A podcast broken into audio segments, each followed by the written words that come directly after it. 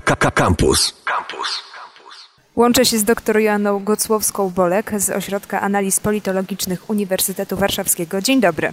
Dzień dobry. Będziemy rozmawiać o sytuacji związanej z pandemią koronawirusa w krajach najbiedniejszych, a przede wszystkim w slumsach i fawelach. Pierwszym problemem, który myślę, że osobom, które nawet mają małe pojęcie, nasuwa się na myśl, jest problem z higieną. Jak ta y, sprawa tam wygląda? Rzeczywiście w zatłoczonych y, fawelach na obrzeżach wielkich metropolii takie wskazania dotyczące chociażby dystansowania się społecznego czy mycia rąk są bardzo trudne do wypełnienia. W części oczywiście mieszkańcy biednych dzielnic zdają sobie sprawę, jak to jest ważne. Natomiast jeżeli powiedzmy na kilkunastu metrach kwadratowych mieszka 10-15 osobowa rodzina, to utrzymywanie takiego dystansu fizycznego jest po prostu niemożliwe. Z kolei również często są to rodziny wielopokoleniowe, które przebywają bez przerwy razem w jednej izbie. I teraz w jaki sposób można izolować osoby starsze, no takie, które wymagają z uwagi na wiek, na towarzyszące choroby, właśnie szczególnej opieki czy izolacji. To jest w żaden sposób po prostu nie do osiągnięcia. A z kolei musimy tutaj pamiętać, że takie osoby biedne z tych najuboższych dzielnic nie mogą sobie pozwolić na to, żeby nie pracować przez tydzień, dwa, czy, czy, czy nawet w dłuższej perspektywie. Bo tutaj wybór jest taki, że albo no, będę zmagać się z e, tym śmiertelnym wirusem, albo po prostu staję e, przed widmem e, śmierci głodowej siebie i swojej rodziny. Także najczęściej wygląda to w ten sposób, że osoby z biednych dzielnic starają się chodzić do pracy, jeżeli tylko ta praca jest dostępna. Więc tutaj takie i społeczne dystansowanie się i utrzymanie zasad y, higieny jest bardzo trudne, no bo jeżeli nie ma dostępu do bieżącej wody, jeżeli nie ma tego mydła, już nie mówiąc o, o takich środkach zabezpieczenia jak maseczki, czy przyłbice, czy kombinezony, no to takie zwyczajne zasady, które my wprowadzamy w naszym społeczeństwie są nie do wyegzekwowania, nie do osiągnięcia. Z kolei e, wydaje się, że jeżeli e, te osoby na przykład wciąż e, starają się e, chodzić do pracy i ta praca jest e, tutaj największym chyba priorytetem, to znowuż trafiają w miejsca, gdzie jest skupionych w różnych montowniach, szwalniach mnóstwo osób w bardzo niewielkiej przestrzeni, gdzie też nie ma możliwości dystansowania się. Z kolei sama podróż do pracy też przecież nie w warunkach izolacji, bo, bo nikt nie dysponuje raczej swoim prywatnym samochodem, tylko używane jest, jeżeli działa komunikacja miejska, jakieś zatłoczone metro czy, czy autobusy, no to znowu jest miejsce, gdzie rozprzestrzenianie się ewentualne takiego koronawirusa jest bardzo ułatwione. W momencie, kiedy obywatel zachoruje, to może liczyć na fachową pomoc w szpitalach, czy te środki higieniczne też tam są bardzo ograniczone? Dostęp do, nawet do podstawowej opieki zdrowotnej bardzo często jest iluzoryczny. Jeżeli popatrzymy sobie na takie statystyki, które nam mówią, ile łóżek szpitalnych przypada na, na, na tysiąc czy na dziesięć tysięcy osób, to się okazuje, że właśnie w tych najbiedniejszych krajach jest to wręcz aż niewyobrażalne, że, że tak to może e, wyglądać. Jeżeli chodzi o e, koronawirusa, to tutaj kluczowe w momencie takiego poważnego zagrożenia jest y, posiadanie dostępu do respiratorów, łóżek w szpitalach, do miejsc intensywnej terapii właśnie z respiratorami. Jeżeli na całe Haiti przypada 60 respiratorów, z czego podobno 20 działa, przy czym jest również bardzo ograniczona liczba lekarzy, którzy, którzy potrafią je obsługiwać, no to pokazuje po prostu skalę problemu.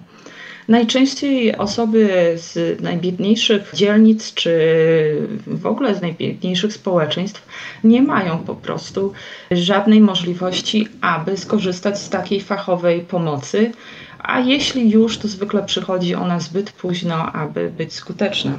Kolejnym problemem, który myślę, że jest bardzo dotkliwy, w krajach najuboższych nie mają takich możliwości jak my, jeżeli chodzi o edukację zdalną więc będzie pokolenie, które będzie słabo wyedukowane. Jakie to skutki może przynieść? Już dzisiaj, nawet bez rozwiniętej pandemii, dostęp do edukacji dla y, wielu dzieci jest y, bardzo trudny.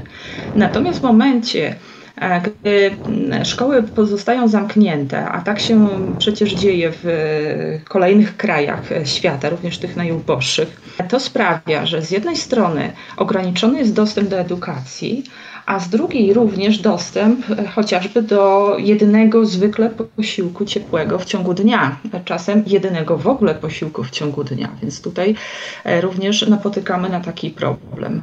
E, bardzo często możemy sobie wyobrazić, że ta edukacja zdalna, która no, jest proponowana w wielu bogatszych społeczeństwach, jest również nieosiągalna w przypadku biedniejszych społeczeństw. Także te dzieci najczęściej pozostają w ogóle odsunięte od edukacji, nie mają takiej możliwości, aby korzystać z edukacji zdalnej.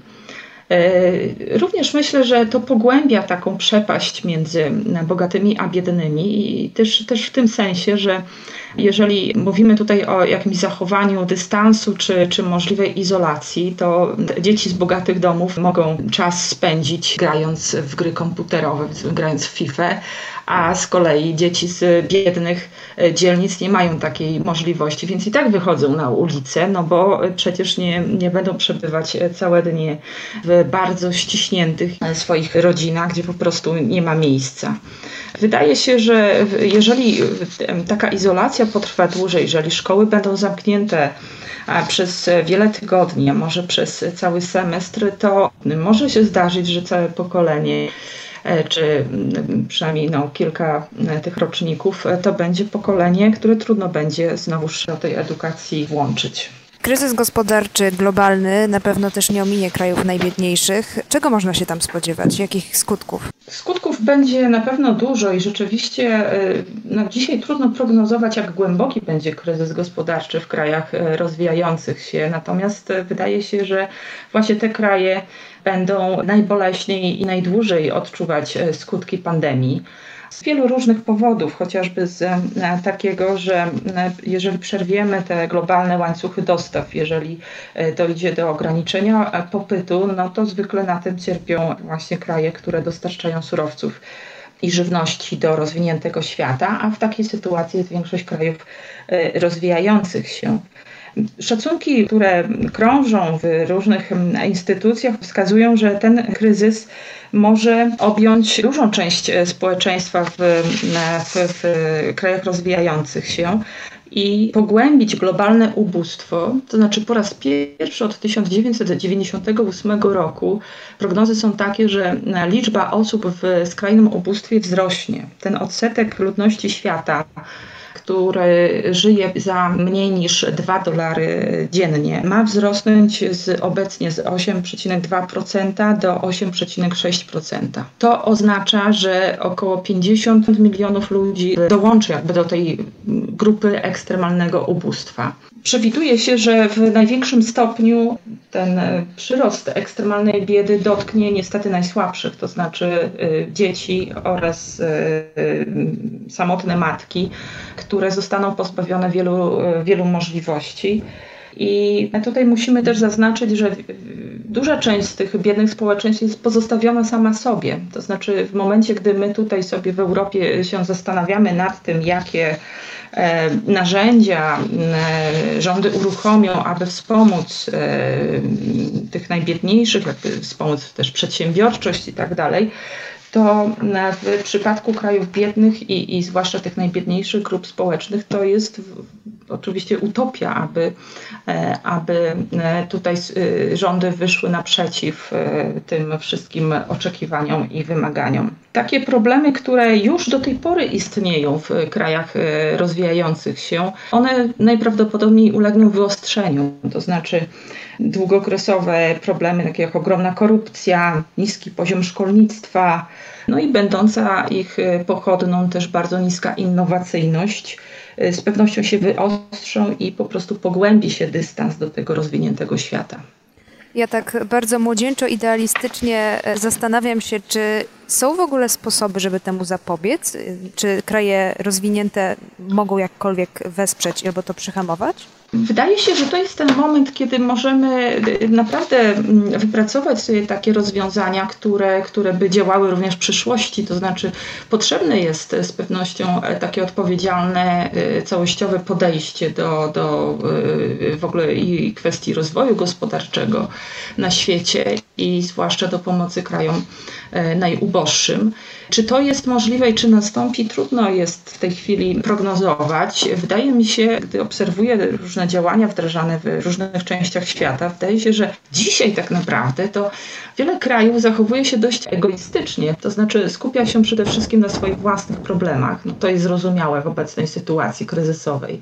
Natomiast na pewno jest to taki moment, kiedy należałoby się zastanowić nad wspólnym podejściem, nad wypracowaniem takich ogólnych jakichś propozycji, które by zabezpieczały nie tylko kraje rozwinięte, ale również rozwijające się przed kolejnymi niebezpieczeństwami, być może przed kolejną pandemią.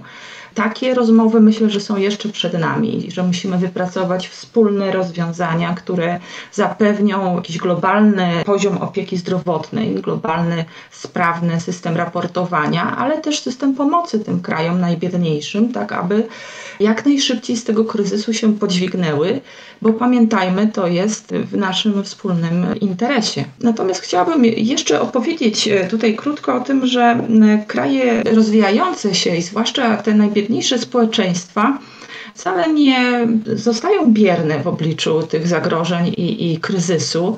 Tutaj takim pozytywnym przykładem jest to, co się e, dzieje, taka sama organizacja w jednej z biednych fawel w Rio de Janeiro. To jest jedna z dużych e, fawel, w którą zamieszkuje około 100 tysięcy osób. Gdy ta społeczność doszła do wniosku, że nie może specjalnie liczyć na pomoc ze strony władz, e, to wyznaczyła 420 osób spośród siebie, takich prezesów, z których każda ma pod swoją opieką kilkadziesiąt domów, kilkadziesiąt ulic, które co dzień patroluje, sprawdzając, czy wszystko jest w porządku, czy nie potrzeba komuś pomocy. I w momencie, gdy na przykład się okaże, że ktoś pozostaje bez środków do życia, bądź e, ma bardzo jakiś trudny stan czy zdrowia, czy, czy psychiczny, to taka e, pomoc jest wzywana. Oczywiście jakość tej pomocy jest różna, ale to jest system, który rzeczywiście działa. Mówiła dr Joanna Gocłowska-Bolek z Ośrodka Analiz Politologicznych Uniwersytetu Warszawskiego. Dziękuję bardzo za rozmowę. Słuchaj Radio Campus, gdziekolwiek jesteś. Wejdź na www.radiocampus.fm.